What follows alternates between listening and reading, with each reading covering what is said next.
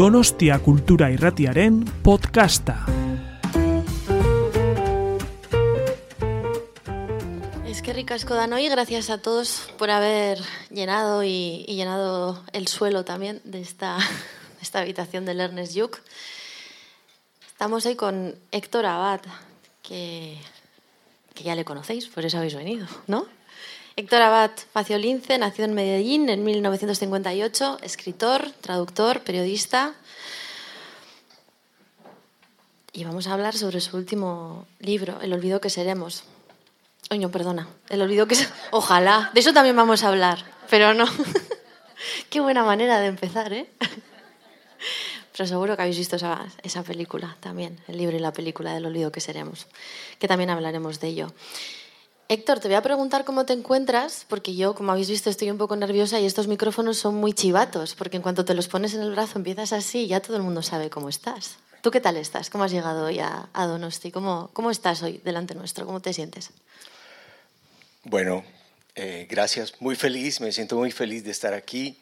Salí a caminar por esta ciudad, que las ciudades tienen colores y esta ciudad tiene un color dorado que me fascina es dorada, es una ciudad dorada, es muy bonito que sea una ciudad dorada. Y caminar por aquí es, eh, no estaba lloviendo tanto, no tuve que abrir el paraguas. Y después de haber madrugado muchísimo en Madrid, tenía miedo de no despertarme, entonces me tenía que despertar a las 5, pero me desperté a las 4. Eh, bueno, llegué un poco raro, pero bien y contento. Y ver una ciudad tan bonita eh, a la que me había prometido volver porque la última vez que vine me dieron muchos dolores en el pecho y, dije, cuando esté sano del corazón, voy a venir y voy a nadar desde la concha hasta la isla de Santa Clara, pero bueno, ahora hace mucho frío, entonces voy a tener que volver, voy a tener que volver pronto en verano a ver la ciudad con sol. Pero muchas gracias, estoy muy feliz de estar aquí, gracias por entrevistarme y, y bueno, y ya empezamos con mi único libro, El olvido que seremos. Ya. Hay escritores que tienen un único libro, por mucho que traten de sacar otros, eh, pero como quieras. Gracias. Vamos a hablar de Salvo mi corazón, todo está bien. De lo que quieran, de lo que quieran. y mira, justo has hecho una, una, puntualización sobre esto, porque, bueno, llevar al título de un libro eh, un corazón eh, parece como bastante arriesgado, ¿no? O sea, tú, tú ya coges el libro y le salvo mi corazón, todo está bien. Y es bastante impactante. Sí, pero ¿se acuerdan de esa canción de Joaquín Sabina y de que la canta con una mexicana, tú ahora que estás medio mexicana, con, eh, ¿cómo se llama? Con Chabela, sí, que el corazón no se pase de moda. Está muy pasado de moda, pero que mejor que no se pase de moda del todo. Y y bueno, pues sí, es arriesgado poner el corazón. De hecho, eh, la persona que por primera vez me trajo a mí a, a San Sebastián, que fue Fernando Aramburu, por unas cartas que organizaron aquí, una correspondencia con él. Cuando le dije el título de esta novela, me dijo, bueno, dale, dale más vueltas, ¿no? Así como con esa parquedad muy vasca. Pero yo no le di más vueltas. Yo dije, bueno, Los Vencejos tampoco es un gran título. entonces, entonces dije, bueno, pues ya, aunque tenga el corazón en el título, que se lo aguanten. Y, y, no solo el corazón, sino que es de curas, o sea que eh, no puede ser más pasado de moda una novela de corazón y de curas, y sin embargo, bueno, me gusta ir contra la corriente y ahí está, novela de curas y de corazones. No quiero meter la pata, voy a coger los apuntes bien ahora, porque como ves la memoria me, me está fallando yo un poco. es, es la historia de Luis Córdoba, que llega a una casa con 50 años, está esperando un, un trasplante de, de corazón, eh, porque no hay más alternativa, necesita el trasplante de corazón para poder seguir vivo. Y queda a la espera de ese corazón en esa casa donde hay una mujer separada con dos niños y una mujer sin marido con una niña. Esa es la situación inicial de la novela. Ahí es donde conocemos a, a, Luis Córdoba, eh, en este caso. ¿Cómo es Luis Córdoba? Ese cinéfilo. Bueno, Luis Córdoba está inspirado en un, en un cura real que se llamaba Luis Alberto Álvarez. Y tanto el real como el de la ficción eran, pues lo primero que veías en él era que medía casi un metro con noventa, que era muy gordo, muy grande eh, y muy amable. Iba siempre vestido de civil. Eh, yo lo conocí al de la realidad en un curso sobre neorrealismo italiano. Era un crítico de cine, por eso también me parece muy bonito presentar este libro en, bueno, en una ciudad de un gran festival de cine era muy buen crítico de cine, publicaba todos los domingos una página completa en el periódico de Medellín, de mi ciudad, que se, bueno, era una, cuando los periódicos eran muy grandes, una sábana de, de una sábana completa sobre películas de la semana. Eh, y fuera de eso tenía, eh, como tú, programas de radio, pero en el caso de él, eh, de música clásica y en especial de ópera. Él era un cura al que lo que más le gustaba era la ópera, la música clásica y el cine. Y a eso se dedicaba más que a echar sermones. Entonces, y cuando se enfermó del corazón, eh, yo acababa de separarme de mi mujer y él se fue a vivir a mi casa mientras le resultaba un corazón, mientras le resultaba un donante. En Medellín, en los años 90, había tantos heridos y tantos muertos que era una, era una gran capital mundial de trasplantes. Paradójicamente, la, medicina de allá se especializó en hacer trasplantes, iba gente de todas las Antillas y de Israel a trasplantarse órganos, porque casi que sobraban los órganos. Pero para trasplantarse el corazón, el donante tiene que ser, si no del mismo tamaño, pues de un tamaño parecido, y un tipo de sangre. Entonces no era fácil conseguir en aquella Medellín donde morían muchos muchachos, pero muchachos jóvenes, más bien que habían crecido en condiciones difíciles de desnutrición, eran pequeños, entonces no aparece el donante, no aparece el donante. Eh, bueno, pero la novela empieza cuando la novela es novela porque de ese dato, digamos, biográfico mío, de un cura que se va a ocupar mi lugar en la mesa, en la casa, no en la cama, pero casi. Eh, eso a mí siempre me pareció una historia. Y, mm, y bueno, y, pero yo no, en realidad yo, pues como ya no, ya no tenía la intimidad de antes en esa casa, yo no sé lo que ocurrió adentro. Entonces la novela y el nombre cambia y todo cambia y el narrador no soy yo y ahí yo no hablo de mí para nada ni de esa circunstancia inicial que es de la, de la que parte la novela, eh, sino que mm, me interesaba hablar mm, en la pandemia de la enfermedad, de la enfermedad cardíaca, y me interesaba hablar de cura, de un cura cinéfilo y no pedófilo, porque, eh, bueno, porque mi madre estaba muy mal y ella era muy católica y yo dije, bueno, le voy a escribir a mi mamá un libro que le guste, que, que, esté contenta porque sufría mucho con mi ateísmo. Entonces, como, bueno, como ella siempre decía, pero, ay, hijo mío, ¿para qué todo el tiempo tienes que ir a un salón y decir que eres ateo? ¿Qué falta hace? No? Puedes omitirlo. ¿no? Entonces, bueno, para que ella estuviera contenta, le empecé a escribir esta novela y bueno, ya me extendí mucho, pero más o menos de eso se trata. Te escuchamos muy a gusto. Cuando hablamos de que está a la espera del trasplante de corazón, tú ahora mismo también has explicado ¿no? que, que has pasado por una afección de corazón, en tu caso un soplo que fue a más, a más. Sí, bueno, yo tenía una afección que no era grave, un soplo, un soplo, un soplo. Todo el mundo tiene un soplo, ¿quién no tiene un soplo aquí?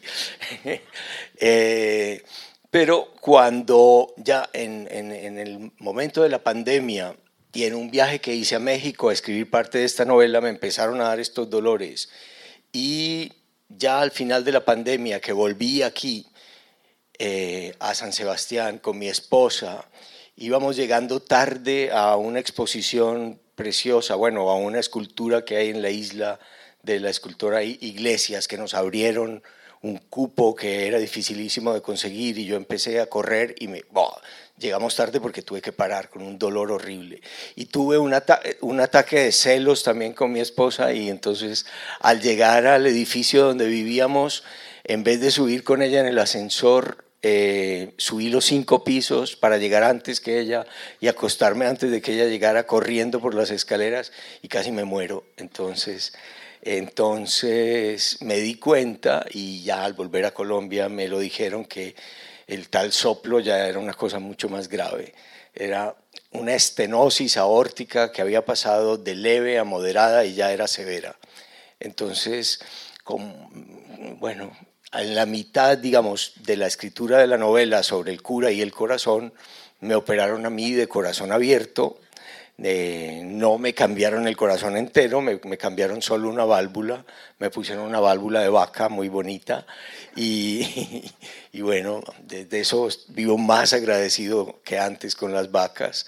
Afortunadamente no soy vegetariano, acepté la válvula de vaca yo imagino que los vegetarianos solo aceptan válvulas mecánicas, pero, pero, pero pues yo me puse la de vaca porque, bueno, no sé, porque me caen bien las vacas.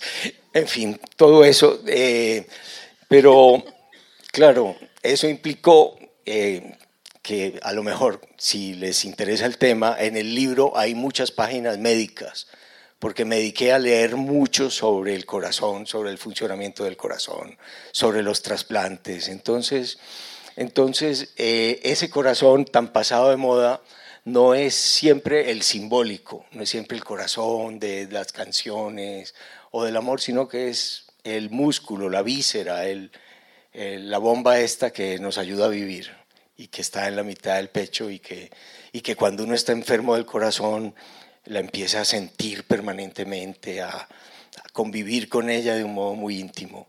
Y entonces, pues pude escribir también de un modo más íntimo sobre el cura eh, con falla cardíaca por tenerla yo también. Escribiste una parte del libro en México. Te sí, una beca en la casa donde escribió Gabriel García Márquez, Cien años de soledad. Sí, sí. Cuando, sí, en, en plena pandemia me invitaron a la, casa donde García Márquez escribió Cien años de soledad, que, que la habían, bueno, se había muerto el dueño, se había muerto el dueño, se la dejó a la Fundación para las Letras Mexicanas y esa casa tenía una historia muy bonita porque cuando García Márquez un día iba para Acapulco conduciendo y se le vino a la cabeza la novela completa y la primera frase y toda, y hizo una vuelta en U y volvieron a México y se sentó a escribir Cien años de soledad, le dijo a Mercedes, bueno, tú habla con el dueño y dile que hasta que yo no acabe esta novela no le volvemos a pagar el alquiler. Eh, pase lo que pase en unos meses. Y entonces el dueño muy amablemente aceptó ese trato muy raro de, que no le pagaran el alquiler. Eh, pasaron los meses, él logró escribir esa obra maestra. Eh, cuando volvió de Argentina con un éxito tremendo, con 100 años de soledad, le, no solo le quiso pagar, le pagó todos los meses atrasados, sino que le dijo, le compro la casa. Pero él dijo, no, ya en esta casa se escribió una obra maestra, ya no la vendo. Entonces, bueno, y ya al morir se la dejó a México y la abrieron para escritores y estuve ahí escribiendo tres meses eh, esta novela, eh, indignamente escribiendo esta novela en ese mismo sitio. Entonces, bueno, em, sí, eh, era, era un compromiso muy grande. Yo me sentía como incómodo porque, bueno, estoy aquí escribiendo y ahora salgo yo con un chorro de babas, como decimos en, en Colombia. Entonces, bueno, pero finalmente dije, bueno, que salga lo que yo sea capaz de hacer y nada más. Y lo hice lo más dignamente que pude. Y, y bueno, y también cuento, cuando me preguntan esto, que eh, todo el tiempo había un perro del vecino que ladraba y ladraba y me interrumpía mucho, eh, lo cual yo pensaba, García Márquez creía en fantasmas, yo no, porque yo soy muy científico, pero se supone, pero yo pensaba que era el fantasma de García Márquez reencarnado en un perro que me ladraba protestando por mi indigna presencia en esa casa. Pero bueno, en fin, hice lo que pude, hice lo mejor que pude. No es 100 años de soledad, lo lamento, lo lamento. No fui capaz de escribir nada a la altura, pero hice todo lo mejor que pude. La voz del narrador pertenece a Aurelio Sánchez, que es otro cura que da clases de Biblia. Imagínate, otro cura es el narrador. Tenemos dos curas. Cuéntanos sobre Aurelio Sánchez. Bueno, yo no sabía quién podía ser el narrador de la novela. Pensé que podía ser el mismo protagonista, eh, Luis Córdoba. Pero, bah, no, no me resultó bien porque en las operaciones de corazón uno está muy dormido y no las puede, no las puede contar bien. Había que contarlas desde un punto de vista exterior. Eh, entonces pensé que podía ser el que se iba de la casa, que tenía algún parecido conmigo, que se llama Joaquín. Eh, en realidad yo me llamo Héctor Joaquín, pero el Joaquín siempre lo oculto. Pero él se llama Joaquín. Eh, y eso que Joaquín es más bonito que Héctor, pero bueno. Y no, tampoco porque yo no quería que fuera nada muy personal. Entonces pensé, como hablé con muchos curas para preparar la novela, pensé que un compañero de él, del seminario y de la residencia donde vivía, que lo conociera íntimamente, podía ser un narrador ideal. Y este también es un cura bueno, eh, tampoco es pederasta, es biblista, y, pero es gay, que para la iglesia está mal, pero para mí no. Y él, eh, es abiertamente gay y, bueno, y reconoce que lo es y que, y que ha pecado mucho de pensamiento, palabra, obra y emisión. Y, bueno, él es el narrador.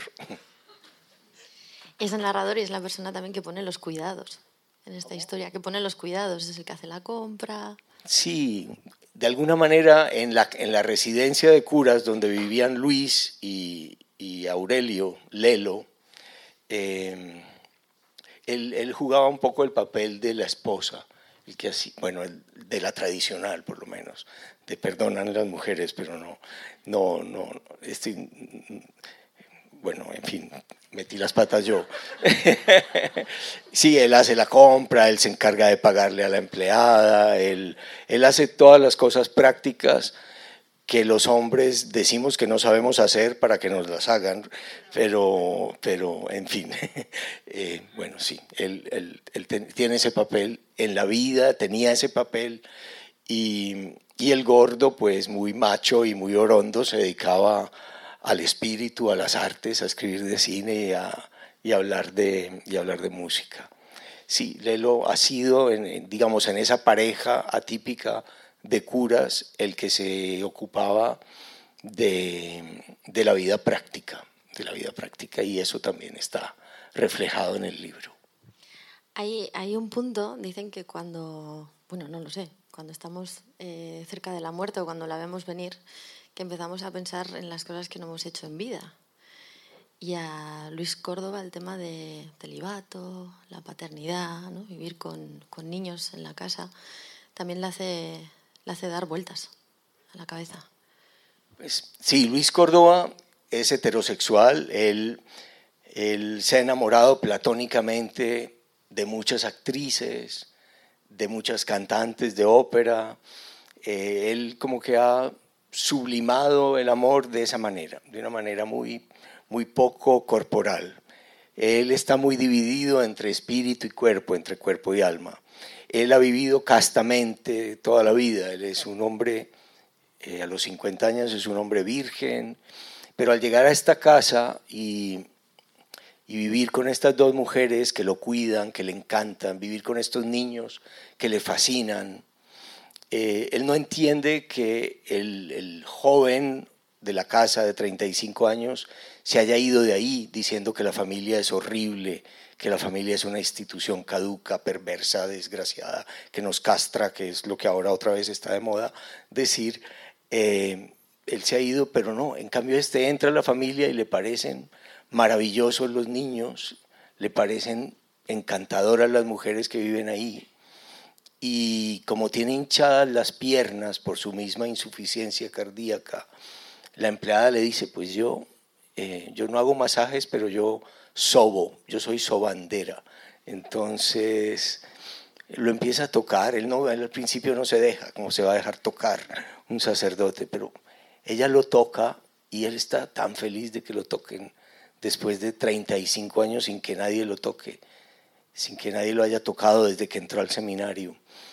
y empieza como a pensar en que tal vez el cuerpo y el alma se pueden reunir, que el afecto cuando no es siempre platónico, sino que se manifiesta en una caricia, en un contacto, mm, bueno, es, es más, tiene, tiene una fuerza el contacto que la pura imaginación de las actrices o de las cantantes no es igual, no es tan, no es tan bonito.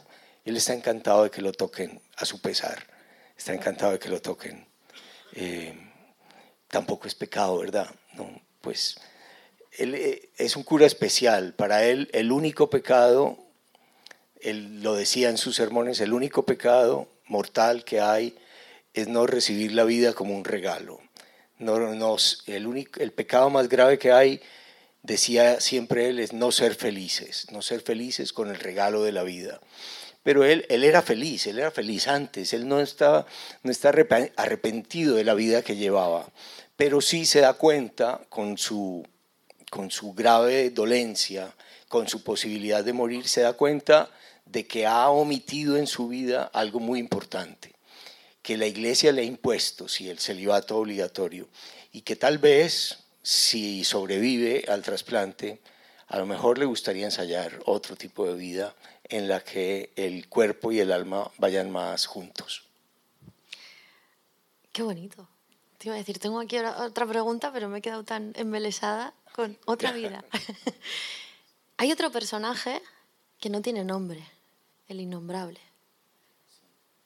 El innombrable, sí, hay un personaje de Manzoni, del de los novios, que él, él lo llama el innombrable. Yo aquí también pongo ahí a un cardenal, un obispo muy malo, que es innombrable, y, porque tampoco podía poner puros curas buenos, no sería realista.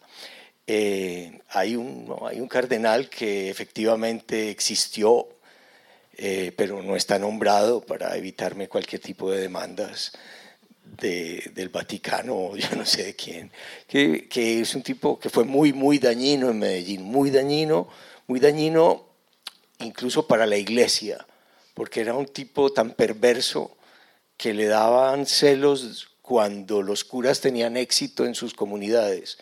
Si, los curas estaban felices, si los parroquianos estaban felices con el cura y lo invitaban y lo agasajaban y lo querían y lo, y lo perseguían y le consultaban y él era una especie, el cura del barrio era como un padre sustituto en una ciudad donde la mitad de las familias no tienen padre, no hay padres, donde la paternidad responsable pues casi no existe. Él no podía ver eso porque los cambiaba de parroquia por pura envidia. O le, parecían que estos curas de éxito eran, eran de, los, de la teología de la liberación y se metían mucho con la gente y, y los apoyaban en causas sociales y eran como curas, curas rojos o curas obreros y eso también a él le parecía lo peor. Y ese es el innombrable. ¿Cómo ha sido el, proceso de documentación para el libro? Has hecho muchísimas entrevistas. Sí, de algún modo este libro está escrito con la voz de la amistad, es decir, con la voz de los amigos del gordo. A él le decían el gordo y eh, fueron sobre todo los amigos de él los que me contaron cosas de su vida, anécdotas de su vida. Entonces, de algún modo, este libro es un libro también sobre la paternidad, pero también sobre la amistad. Eh, algunas de las, de, los, de las personas que en Medellín o en Colombia más se han destacado en el cine, por ejemplo, Víctor Gaviria, un gran director, o Sergio Cabrera, otro gran director, fueron amigos y trabajaron con el gordo. Eh, ahora los críticos de cine más importantes de Medellín y de Colombia fueron amigos del gordo y él influyó mucho sobre ellos. Eh, violinistas, directores de orquesta, gente así.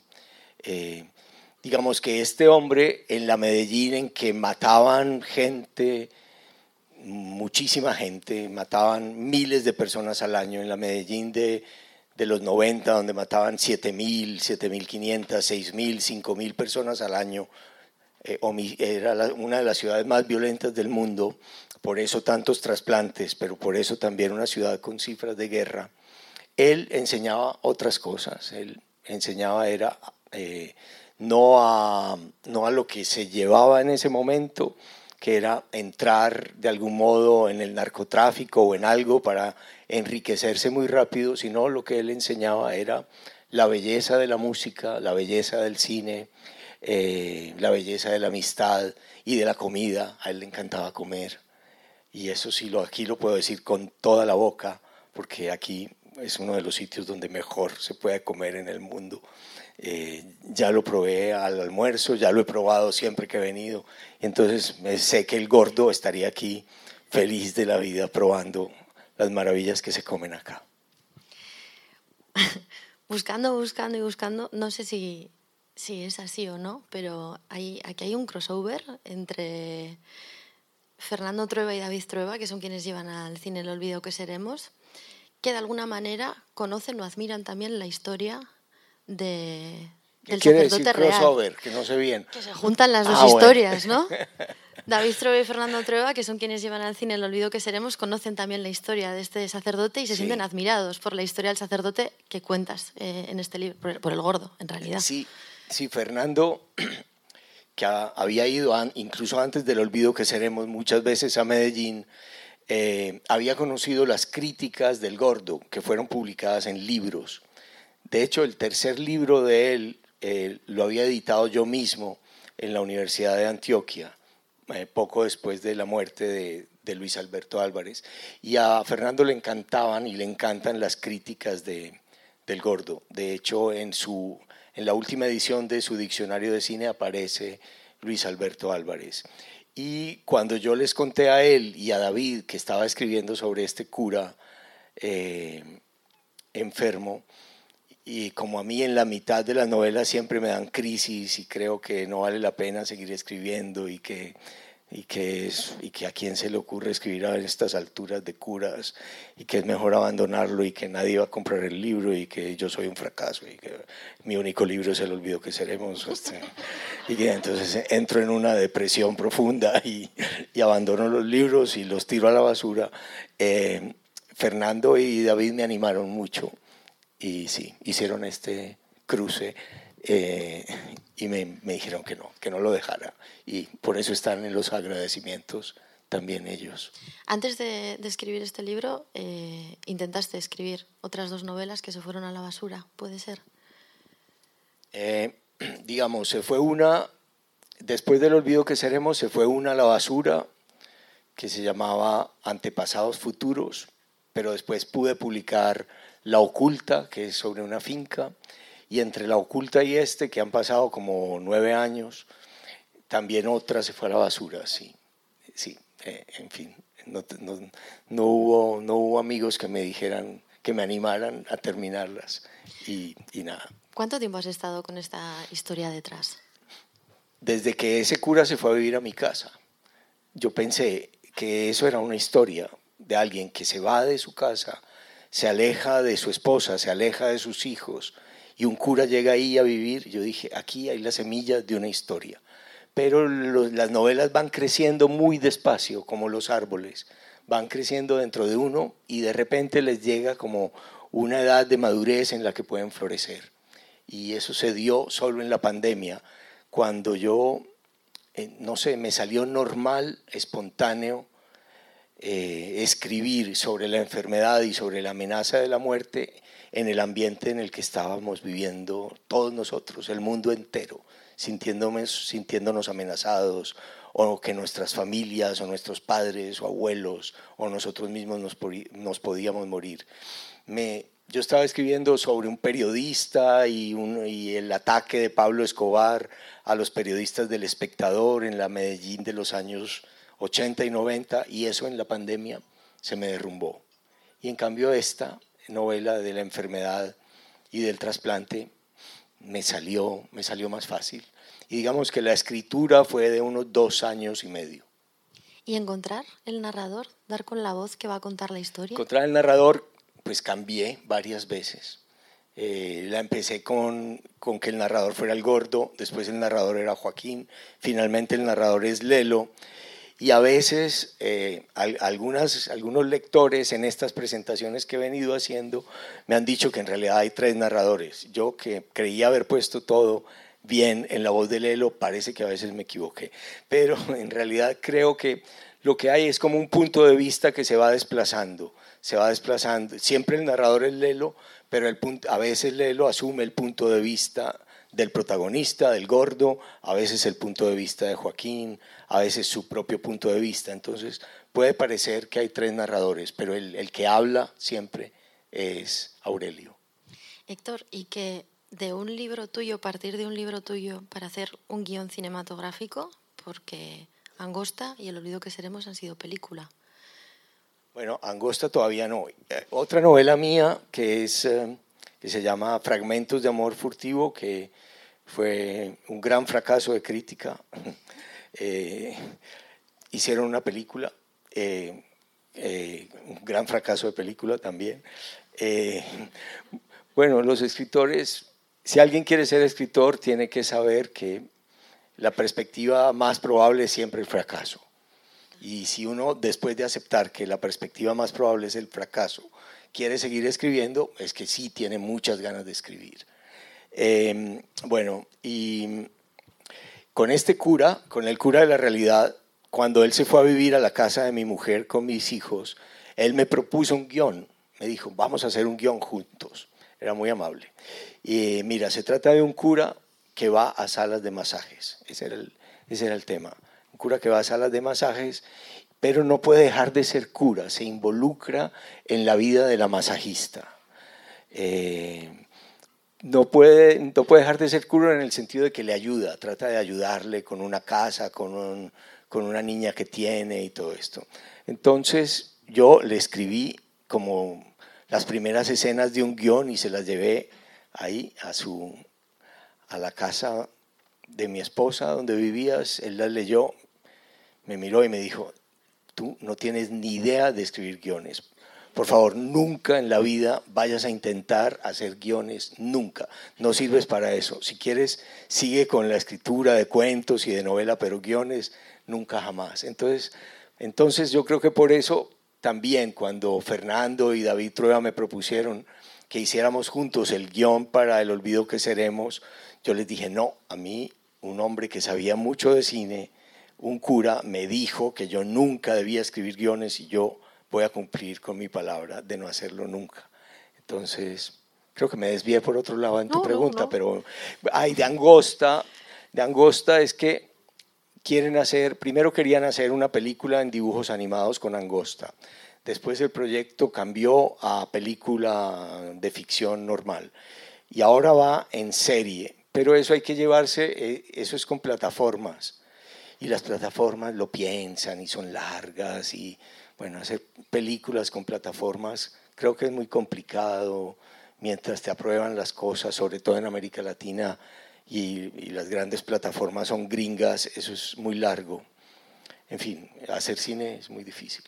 ¿Y el proceso de, escribir el guion del Olvido que seremos con los ah, hermanos no, El proceso fue que lo hizo David Trueba, y a mí me lo mandaron porque lo único que yo pedí es leer el guion para, que, para ver si me gustaba, pero yo no era capaz de leerlo. El proceso fue que yo no lo leía y no lo leía y pasaban los meses y yo no lo leía porque no, no me sentía capaz, porque me caían muy bien Fernando y David y tenían pánico de que el guion no me gustara y tenerles que escribir y decirles, no, el guion no me gusta, vuélvanlo a hacer.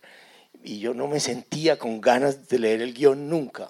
Nunca. Yo me levantaba y me preguntaba, ¿quiero leer el guion? No, no quiero leer el guion. Y entonces el productor me escribía toda la semana, ¿ya leíste el guion? ¿Qué te parece? Y yo, no, no he leído el guion. Y así se fueron como dos meses sin que yo leyera el bendito guion, hasta que un día me levanté con ganas de leer el guion y lo leí, era cosa de dos o tres horas, y me encantó.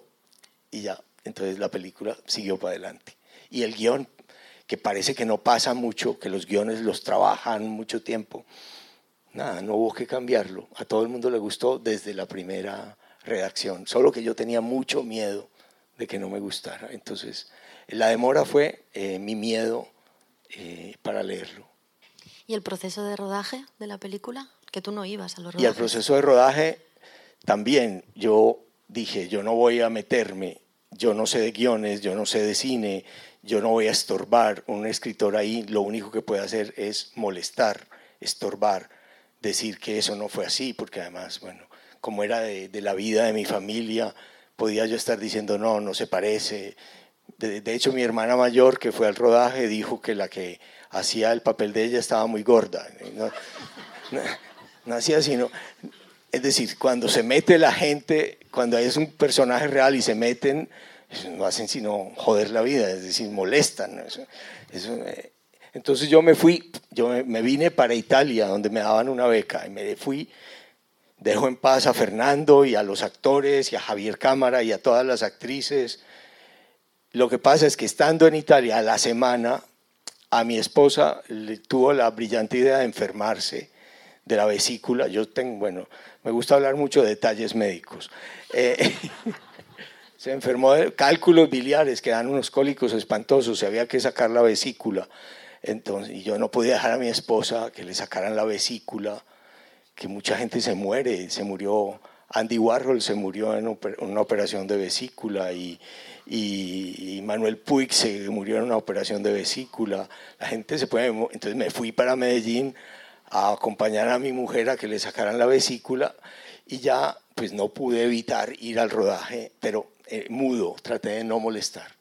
Fui al rodaje y eso fue tan bonito que hizo que yo me volviera íntimo amigo de Fernando, de Cristina, su mujer, y de Javier Cámara.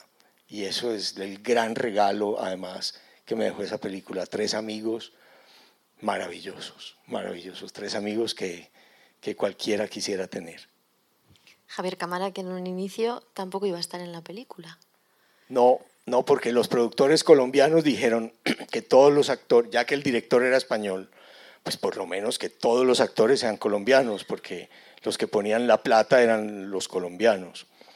Y entonces el actor escogido era Andrés Parra, que era el que hacía el papel de Pablo Escobar en El Patrón del Mal, eh, que es un gran actor, pero a mí me parecía muy raro que pasara de ser Pablo Escobar a ser mi papá.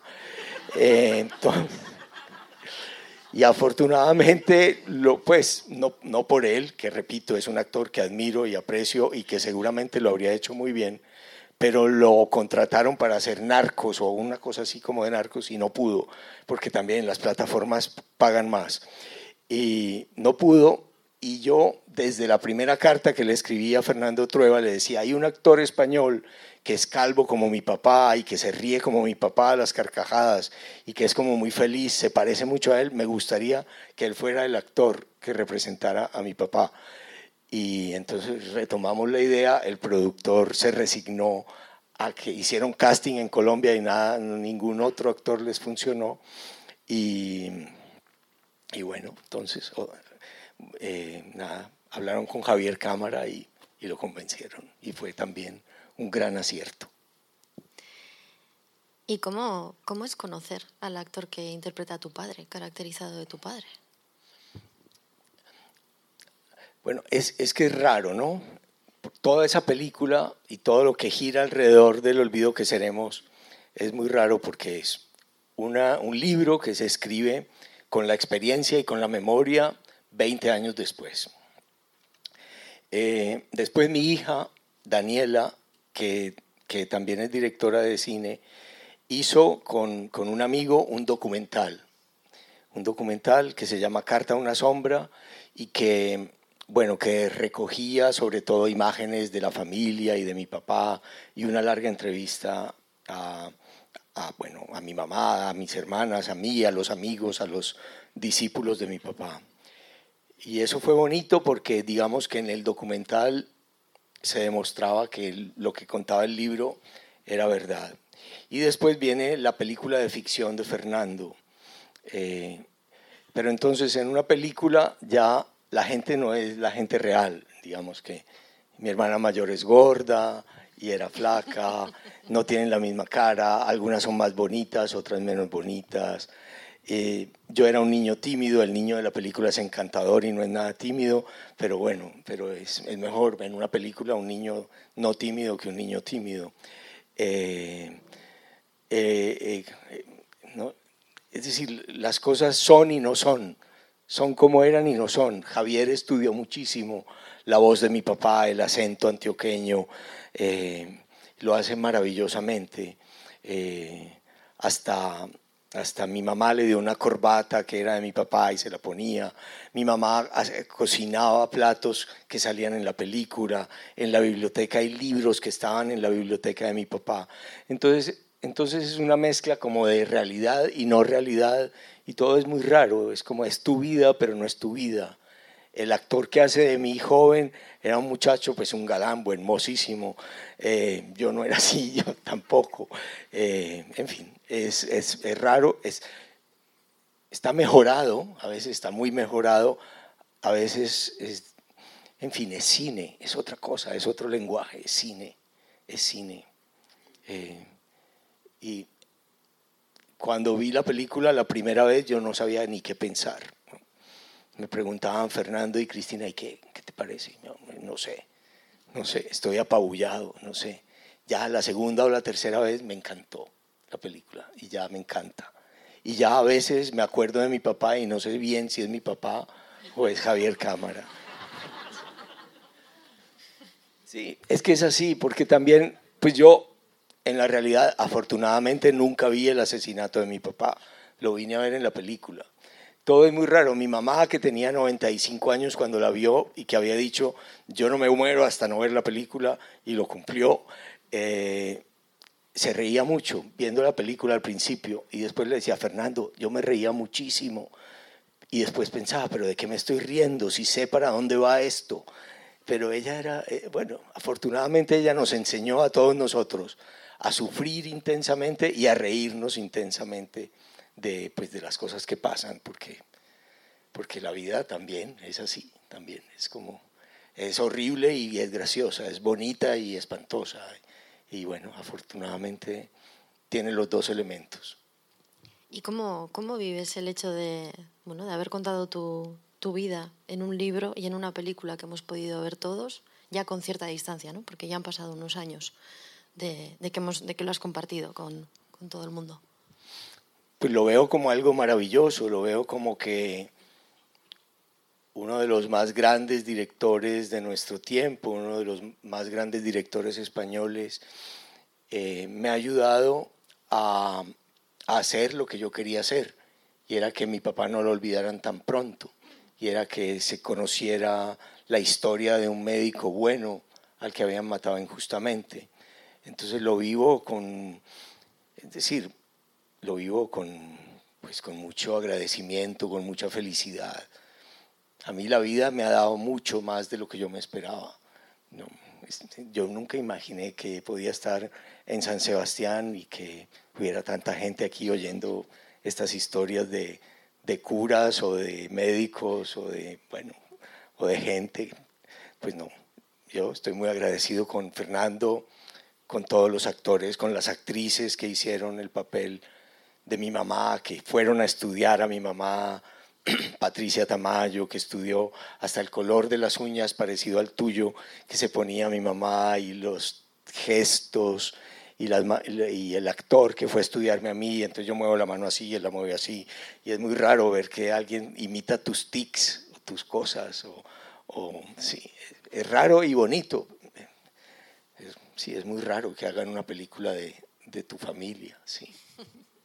Javier Cámara hablaba, eh, bueno, con humor, pero de, cierta frustración, ¿no? Porque había estado durante un tiempo estudiando el acento y luego de repente llega, ¿no? Os conoce, os escucha hablar y dice, eh, rodamos en tres semanas y lo que ya he aprendido hasta ahora, ¿no? O en diez días, no sé si decían aquella entrevista, y lo que he aprendido hasta ahora, no, no tengo el acento es que tener el acento idéntico es prácticamente imposible si no naces y creces ahí. Pero lo importante era que él hablara parecido a mi papá, que tampoco hablaba, digamos, el antioqueño así como que es que ustedes casi que ni me entenderían si yo me pongo a hablar en antioqueño. Es casi como cuando ustedes me hablan en vasco, es una cosa que es muy distinta. es, mi papá hablaba un español más como de profesor, que era él. Y bueno, y ese, e, ese acento, Javier sí lo hacía muy bien. Y los actores de la película y mi hija que estaba ahí al lado de Fernando, que también trabajó en la película, cuando él se equivocaba, pues le decían, nombre, no, no, no, pues, se te salió, qué sé yo, un vosotros o cualquier cosa, o, una, o una feta o algo, pero entonces se repetía y ya está. ahí Fernando es súper paciente, es un director que cuando un actor se equivoca, eso fue muy bonito de ir a ver el rodaje, la manera tan amorosa, tan cariñosa con que Fernando corrige, digamos, a los actores, como en privado, en la oreja, como contándoles un secreto. No es de esos directores que dan un, pegan un alarido y regañan en público. No, es un, era como era mi papá como profesor, un profesor muy amoroso, muy cálido, muy, muy bondadoso. Fernando así rueda él y eso era muy bonito de ver.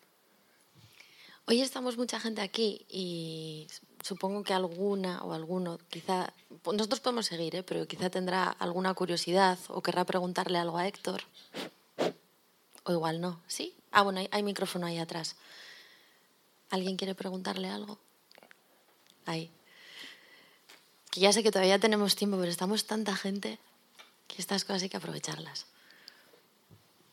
Yo quería felicitaros por lo bien que lo has hecho tú y que lo ha hecho él, que está fenomenal. Sí, sí, se oye, se oye. Gracias. Y, realmente, eh, bueno, bueno, pues yo había leído, había visto la película también. Eh, realmente tú eres un personaje a la altura de la película también y, muy, muy humilde, muy humilde para todo lo que vales. ¿eh? Y una chica muy joven y muy capacitada. Gracias. Gracias. Muchas gracias. Yo estoy de acuerdo con la parte de ella, estoy completamente de acuerdo. ¿Alguna otra pregunta? Qué pena que no han venido mis padres. Aquí tenemos otra pregunta.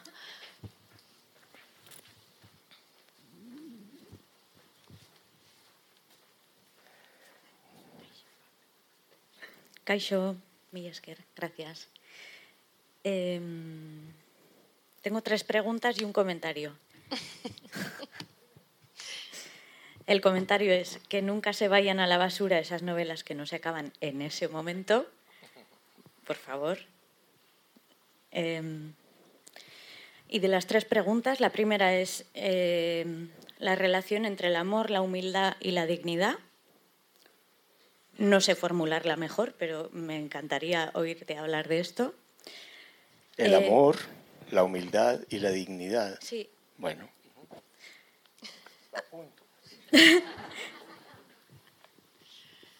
Eh, la otra, es que no sé, la he escrito, pero si pasa, pasa. Dale, vea, dale. ¿Qué define que un texto sea una novela?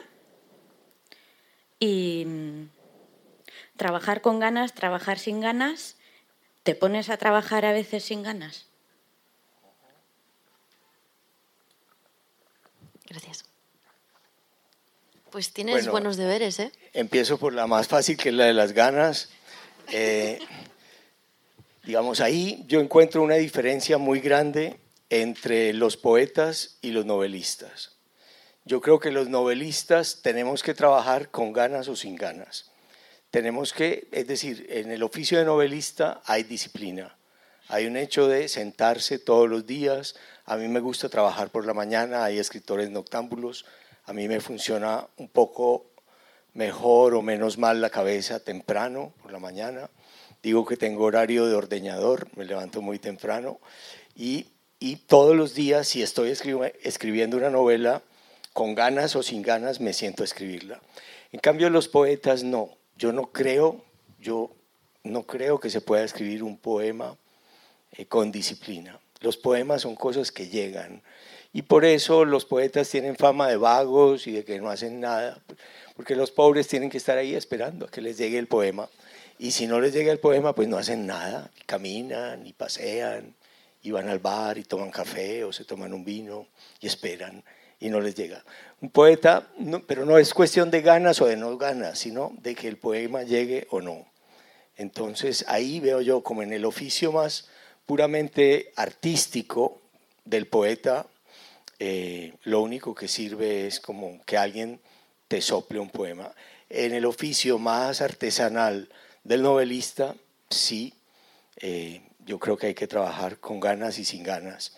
Y a veces, sin ganas, te puede salir igual de bien que con ganas. ¿Qué define qué es una novela? Es difícil saber. Por ejemplo, yo el olvido que seremos, a veces hablo de ese libro como el libro, a veces digo que es una novela, a veces digo que es como una novela sin ficción o una novela testimonial, una novela con apellidos. ¿Qué define que esto que nace de, un de una persona real y se convierte en un personaje sea una novela y no una biografía?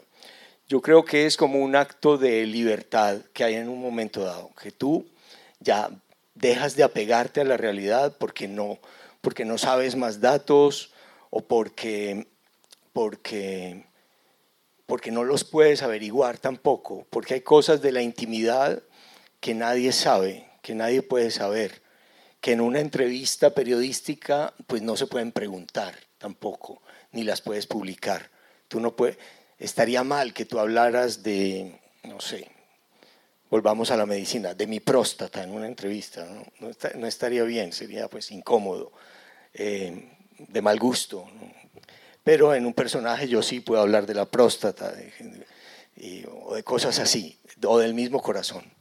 Entonces la novela da una libertad que, que, el, que el, periodismo no tiene.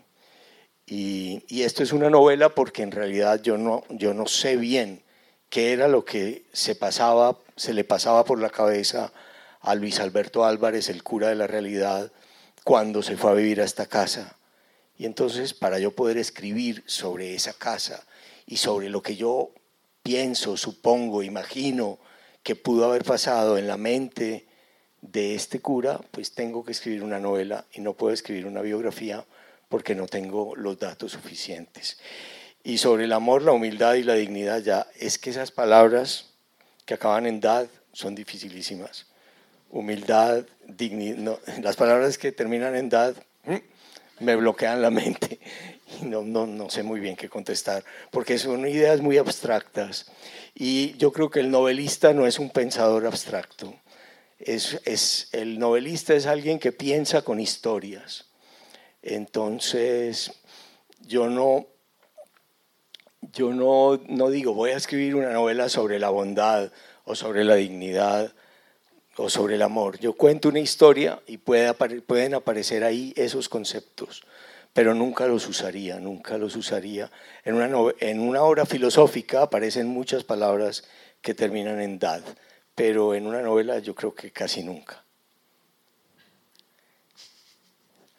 Eh, allá hay otra pregunta, si no, te vas a robar todas las preguntas. No, no, solo no Bueno, bueno. Es que dad es padre en inglés y a la vez es el imperativo. Muy bien. El verbo dar y el padre en inglés, sí. Yo, a ver, es que la verdad que voy a ser un poco abstracta porque hay otros escritores o escritoras colombianos que, y concretamente hay una que no me acuerdo el nombre, pero que ha escrito justamente toda una historia como que matan al padre y todo el lío de la familia. Entonces, no sé si la conoces y bueno, habrá muchos que, que han vivido situaciones parecidas a, a, tu familia, ¿no? Pero bueno. Sí, sí, desgraciadamente es, es algo que, que ha pasado bastante, que pasó mucho en Colombia y que sigue pasando. Eh, a ver, hay una novela de una, eh, de una antioqueña que se llama Cómo maté a mi padre, pero que en realidad habla, se ocupa del asesinato del padre de ella. Esa es una más o menos reciente. Esa podría ser. Hay, no sé, pero eh, no se me ocurre en este momento. No, pero... Eh, es decir, en realidad yo he recopilado como hay muchos escritores a los que les han matado el padre, curiosamente. Hay una especie de cofradía de escritores a los que les han matado el padre. A Juan Rulfo le mataron el padre, pero él nunca contaba la verdad sobre el asesinato de su padre. Siempre cada vez que le preguntaban, él contaba una historia distinta. A Nabokov también le mataron el padre por defender que alguien con el que él no estaba de acuerdo pudiera hablar en un acto público. Eh, pero, pero tampoco hablaba mucho de eso. A Alfonso Reyes, otro gran escritor mexicano, también le mataron el padre y nunca publicó lo que escribió sobre su padre en vida por una especie de pudor. Yo es que como habrán visto soy más impúdico y entonces... Esta Jaramillo eh, es más joven que usted, supongo. Sí, eso es fácil. Y, lo escribió después, a ver si se inspiró, si, si la novela suya le... Pero bueno, no sabemos. No, creo que... son libros muy distintos, pero curiosamente ella hizo en España un curso de escrituras creativas y cuando ella terminó ese libro, a través de una amiga de ella, me lo mandó a mí para ver si lo queríamos publicar en una pequeña editorial que tengo con mi esposa y de hecho la primera edición, la edición colombiana es con nosotros en Colombia y aquí apareció ya con una editorial más poderosa en España, pero sí, sí hay una relación. Perdón, tenemos una pregunta ahí y luego usted.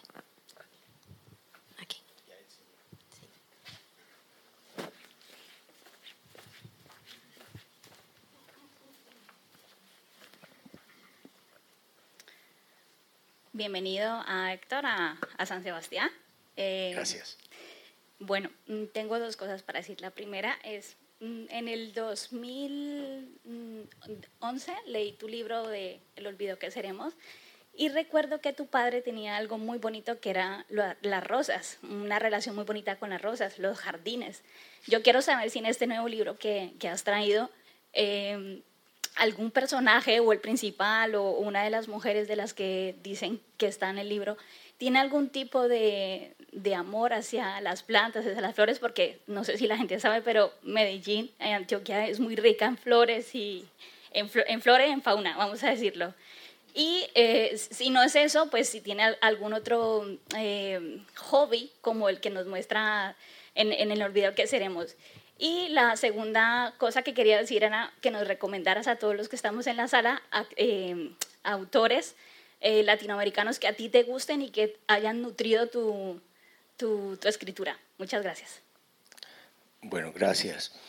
Em, no, en realidad aquí creo que no hay, no hay flores. Hay, hay un capítulo dedicado a, a los animales que los curas tuvieron en su casa que me parece, eh, me parece un capítulo bonito que me lo, me lo contó uno de los amigos del gordo, porque, mm, no sé, los animales que uno ha tenido en su casa, si ustedes empiezan a pensarlo en este mismo momento, desde que uno es niño, el gato o el perro o el pececito o la tortuga o algo, son personajes muy importantes de la vida de, de todos nosotros. Entonces ese capítulo con los nombres raros que ellos le ponían al tucán, que tenía un pico enorme, entonces lo pusieron eh, Publio, Ovidio, Nazone, Nazone es narizón, ellos ponían nombres como muy cultos. Al gato, a un gato muy bonito le ponían el nombre de un rey godo, Recaredo. A la gata le ponían el nombre de una actriz de una telenovela, en fin. No hay flores, pero hay animales. Eh, libros. Pues, por ejemplo, hay un libro de Juan Gabriel Vázquez muy reciente que tiene que ver también con cine, con vida y con literatura, que es Volver la vista atrás, que es de, de, un, de un, director de cine colombiano que mencioné como uno de los alumnos de, de Luis de la Realidad, Sergio Cabrera, que curiosamente ahora acaban de nombrarlo embajador en la China es una historia muy bonita porque él lo dejan en la China, el padre muy comunista, muy dogmático, a los nueve años viviendo solo en la China con la hermana y bueno, y ahora es embajador en la China. Eh, probablemente el primer embajador colombiano en la China que sabe chino, eh, fluidamente, eh, habla chino, bueno, como un nativo. Eh, Decías autores latinos, pero no, yo no voy a hacer una lista de autores. en fin, em, son, son tantos, son tantos, depende del momento. Allí y luego allí.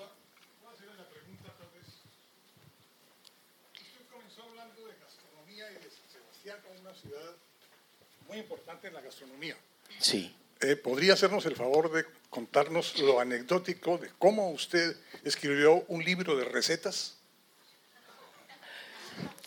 Sí, yo escribí un libro que se llama Tratado de Culinaria para Mujeres Tristes, eh, que es de recetas más o menos imposibles, pero algunas se pueden hacer. Eh, curiosamente yo lo escribí en la misma casa donde se fue a vivir el gordo, eh, cuando yo todavía vivía en esa casa y me enfermé. Parece que yo vivo enfermo. Eh, me enfermé y me tuve que quedar como 15 días en esa casa y yo acababa de leer un libro de, de Ovidio, que acabo de mencionar también, de Ovidio, eh, El arte de amar, y lo había leído en una traducción en versos y bueno, eh, ahí lo que hay en Ovidio son recetas para enamorar y para enamorarse. Y a mí, me, no sé, se me quedó como por dentro el ritmo del verso de esa traducción de Ovidio. Y hacer un libro como anticuado de parecido a ese, como de ayuda al lector, ¿no? Pero ya no en el caso de ayudarle a cómo amar, sino a cómo superar la tristeza. Ah, pensando mucho en mis hermanas, en mis hermanas que, que estaban muy tristes y de hecho el libro está dedicado a mis cinco hermanas, o mejor dicho, a mis seis madres. Entonces también incluía a mi mamá. Y las recetas, pues mi mamá cocinaba mucho, siempre he pensado que cocinar es un acto de amor. Siempre en mi casa la conversación se daba alrededor de la mesa. Siempre cuando nosotros volvíamos de cualquier parte, de un pueblo, de otra ciudad, de otro país, lo primero que se preguntaba y que todavía se pregunta en mi casa, y mi esposa se burla mucho de eso, es, ¿y qué comiste? ¿Y qué comiste? ¿Y qué les dieron de comer? ¿Y qué probaste bueno? Y si yo vuelvo de San Sebastián, yo, ah, comí, mira, comí un arroz con almejas maravilloso, y comí y comí y me tomé un vino increíble que nunca me había... En fin, para nosotros eso es muy importante y por eso escribí ese, ese libro. De... Mi mamá escribió también un libro de cocina que se llama Recetas de mis amigas. Y el gordo era, ya se los dije, un gran comelón, eh, por eso era gordo. Y la amistad con él se dio siempre también alrededor de la comida y de la mesa. Eh, será por eso que me siento siempre tan a gusto en esta ciudad gastronómica, pero sí, la comida es para mí tan importante como, como, pues, como las novelas, como el cine, como la poesía. La comida es pues, comer bien, ¿no? No, alimentarse es muy importante y comer sano y todo eso, pero, pero, pero ya hacer grandes recetas de cocina es, es una cosa de unas dimensiones culturales muy, muy altas que hay que reconocer. Había otra pregunta por ahí atrás. Ah, aquí hay otra. Ah, vale, perdón. Sí, eh, quería saber cómo vives el Medellín. ¿Dónde estás? Aquí. Ah. ¿Cómo vives el Medellín de hoy? Cuando vives o cuando estás o algo que te inspira a ti o algo, algún libro futuro próximo, presente. ¿Cómo, cómo vives comparándolo con otras décadas de las que has estado hablando? Pues Medellín como que sube y baja. Hubo un periodo en que todo parecía mejorar y mejoraba. Hubo varios alcaldes muy buenos. Eh, todas las cifras de, pues, de educación, de, de cultura, de homicidios, de salud mejoraban. Últimamente tenemos otra vez una administración pésima. Yo, uno en su propio país sufre mucho más que afuera. Yo cuando estoy aquí estoy muy contento de no, de no saber nada de política. Cuando me empiezan a aclarar la política española, yo no, no me lo aclares porque yo francamente no quiero tomar partido aquí, aquí quiero descansar, no eh, estar tranquilo. En, su, en, el propio país uno siempre vive demasiado mm, metido en, en, esa vida y eso afecta afecta las discusiones, afecta, eh, te afecta anímicamente. Eh, en Medellín me cuesta mucho más trabajo vivir y estar contento que cuando estoy acá. Y cuando estoy acá, además me doy cuenta de algo que probablemente ustedes no notarán, pero que es fundamental, y es que uno aquí puede caminar tranquilamente a cualquier hora, siendo hombre o mujer, por la calle, eh, y casi nunca le pasa nada. O si le pasa algo, pues no es que lo maten, sino que, bueno, algo le pasará, pero Es decir, se vive aquí muy, muy serenamente. Y para ustedes eso es pues, lo normal. Y eso debería ser lo normal en el mundo entero. Pero eso no es lo normal en Medellín. Y en Medellín aunque nosotros tenemos un carácter parecido al de ustedes, que nos gustaría estar en la calle, encontrarnos en la calle, conversar en la calle, estar felices en la calle, comiendo algo y conversando y tomando algo, muchas veces no lo hacemos por miedo. Entonces yo en Medellín trabajo mucho más paradójicamente porque salgo mucho menos, estoy más encerrado, es una vida más encerrada, menos tranquila y más molesta o más como más molesto el, el estado de ánimo por la misma crispación política. Y entonces ser extranjero, en cambio, te quita la crispación política. No es que yo no tenga opiniones políticas sobre España o sobre Europa, también las tengo, pero no me crispan tanto como las propias. Como cuando hay un alcohólico en la familia, te duele un alcohólico en la familia, pero un alcohólico en el vecino, pues te duele menos.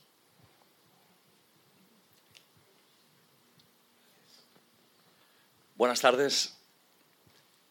Aquí. Hola.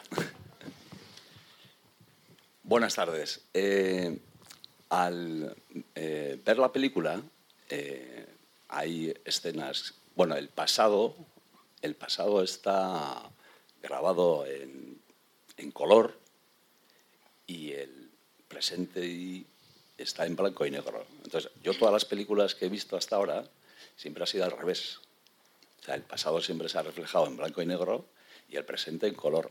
No sé si eso tiene alguna intención que yo no he sabido captar. Esa es la pregunta. Y luego, eh, agradecerte el gran libro que nos has regalado, lleno de humanidad, tolerancia, respeto y ensalzar esa figura tan importante para ti, que ha sido tu padre, que creo que a todos nos ha llegado al alma. Gracias. Bueno, muchas gracias. Em, bueno, yo presencié cuando Fernando Trueba le decía a los productores colombianos que quería grabar una parte de la película en blanco y negro y una parte de la película en color. Él tenía mucho miedo de hacer esa pregunta porque los productores naturalmente naturalmente piensan más en términos económicos y una película en blanco y negro, por lo menos una buena parte de ella, él temía que les pareciera comercialmente eh, pues, difícil. En cambio los productores lo, nada, lo recibieron muy muy bien y dijeron que la película era como él la quisiera hacer, como él se la hubiera imaginado. Y él siempre dijo que se la imaginaba así, como con partes en color y partes en blanco y negro. Creo que sencillamente eh, algo influido incluso por las fotos de, de la familia en nuestra infancia, que son esas fotos como en un color raro, como en un color, yo creo que era de la Kodak, que no es un color muy realista, son unos colores como, como, como exagerados, son unos colores con unos contrastes fuertes. Entonces es un color que, que tiene algo como de álbum, como algo de, de álbum, y el álbum tiene algo que ver con la memoria. Aquí estoy yo interpretando, no es que Fernando eh, me lo haya dicho, pero es como la vida más alegre antes de la llegada de las tragedias. Digamos que pasa el blanco y negro cuando mi hermana Marta se muere de cáncer, cuando la vida como que ya deja de ser ese esa promesa, la promesa que mi papá nos había hecho a todos nosotros, que el mundo va a ser cada, vez mejor, que el mundo progresa, que la ciencia está, que la ciencia se va a imponer y, los derechos humanos y la tolerancia y que y él era bueno él era optimista y confiado en el progreso. Y cuando eso empieza a fracasar o a toparse con las dificultades de la realidad creo que ahí es cuando Fernando lo cambia al blanco y negro. Cuando cuando esa idea de esa idea tan optimista se choca con la realidad Héctor, ¿hay alguna, perdona, eh, ¿hay ¿te quedas con alguna sensación una vez has terminado de escribir este libro? Ya que vamos al cierre, pues te pregunto por tu cierre también. Con la sensación de que no he trabajado lo suficiente, la sensación de que todavía debería cambiar cosas, mejorar cosas, eh, volverlo a revisar, volverlo a leer. Sigo pensando en eso, sigo pensando, sigue dándome vueltas, eh, los personajes, el orden de, de las historias. Eh, realmente llega un momento en que los editores te tienen que quitar el libro y ya, y te dicen, no puedes cambiar ni una coma más, ni una escena más, ni una palabra más, se acabó, ya. Y sale el libro y salen errores y, y, ya es muy tarde y, y te lo señalan otros. pero es que de todas maneras la pretensión de sacar un libro perfecto es, es también algo que te puede paralizar completamente y nunca sacarías un libro si siguieras corrigiendo y corrigiendo y corrigiendo. Siempre, desgraciadamente, se podría hacer algo mejor, pero hay un momento en que hay que parar. Y como la obsesión queda, aún después del libro publicado, entonces también es bueno salir, viajar, cambiar de clima, cambiar de, de sabores, de comida, y estar con gente que habla distinto y entonces el libro ya se va, aunque uno habla de él todo el tiempo, pues uno se va resignando a que ya el libro es lo que es y ya está, se aleja de, de las manos de uno y hay que entregarlo, hay que entregarlo. Estamos llegando al final. Sí, hola. Perdona, ¿eh? Una y una. Y ya. Sí. Hola. Bueno, en primer lugar, para... Hola. Hola. Para darte las gracias por esta generosidad de esta exposición y del hecho de contarnos tantas historias en tus novelas. Entre otras, La Oculta me encantó, es una novela que me parece estupenda. Y quería preguntarte en relación a la misma si, tenía, si hay algún aspecto autobiográfico. ¿En La Oculta? Sí. Ah, sí. Eh, hay un teléfono que sería mejor que se apagara. eh, sí, la oculta, la oculta es una finca en las montañas de Antioquia que efectivamente existe, que es de unas primas mías y tiene un lago. A mí me gusta mucho ir a nadar a ese lago. Eh, eh, y muy cerca de esa finca está la finca que era de mi abuelo, que se llama la Inés en realidad. Entonces la oculta de algún modo es una, una mezcla entre la Inés, la finca que era de mi abuelo, y de la cual mi padre, que era pues uno de los ocho hijos de mi abuelo, heredó una parte. Yo no sé aquí, pero en Colombia cuando alguien se muere, pues se parte por el número de hijos también la tierra. Eso hace que la tierra se vaya fraccionando mucho. Entonces a mi papá, por ser el mayor, probablemente le tocó la parte de la tierra con la casa. Y, esa finca todavía mis hermanas y, mis sobrinos y yo la conservamos. Eh, pero ya es muy chiquita, ya no sirve para nada. Antes era una finca que producía, pues, donde había leche, vacas, algunos sembrados, café más arriba ya no, ya es una finca que es como solamente de la nostalgia. Y, y la novela parte de esa realidad, de, de, esa oculta que existe, que es muy bonita, que me gusta mucho por el lago y por las peñas que tiene, y de la finca de la realidad. Y la última. Sí, quería saber únicamente cómo surgió el título, el bello título de El olvido que seremos.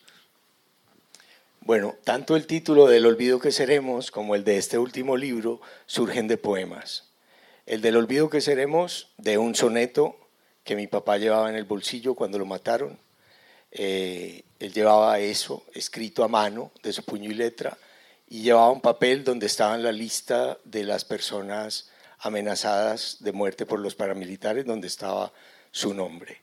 Y este, el de Salvo mi corazón, todo está bien, también ambos, en ambos casos vienen de un soneto. En el primero, eh, de Borges, creo haber demostrado en otro libro que se llama Traiciones de la Memoria, que ese soneto efectivamente es de Borges, aunque María Kodama y todos los especialistas en Borges dicen que no.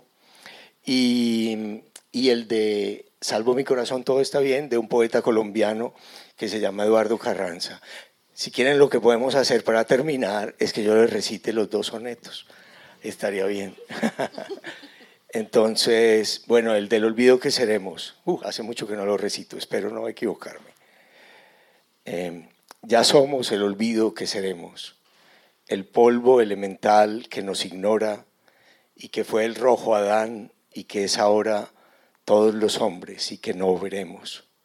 Ya somos en la tumba las dos fechas del principio y el término, la caja, la obscena corrupción y la mortaja, los triunfos de la muerte y las endechas. No soy el insensato que se aferra al mágico sonido de su nombre.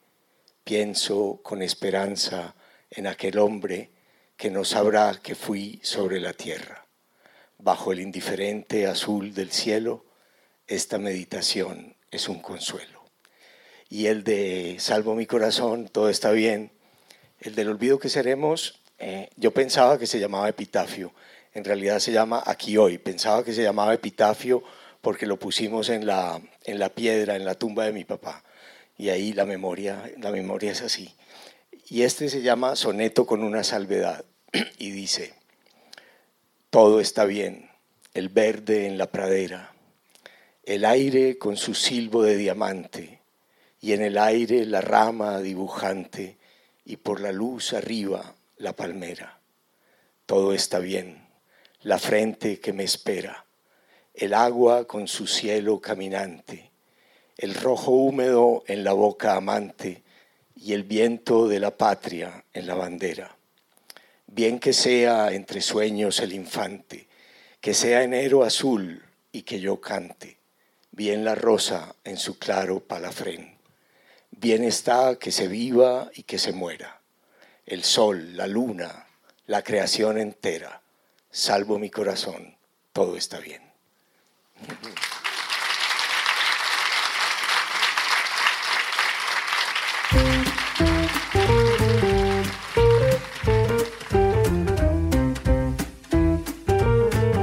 Donostia Kultura Irratiaren podcasta.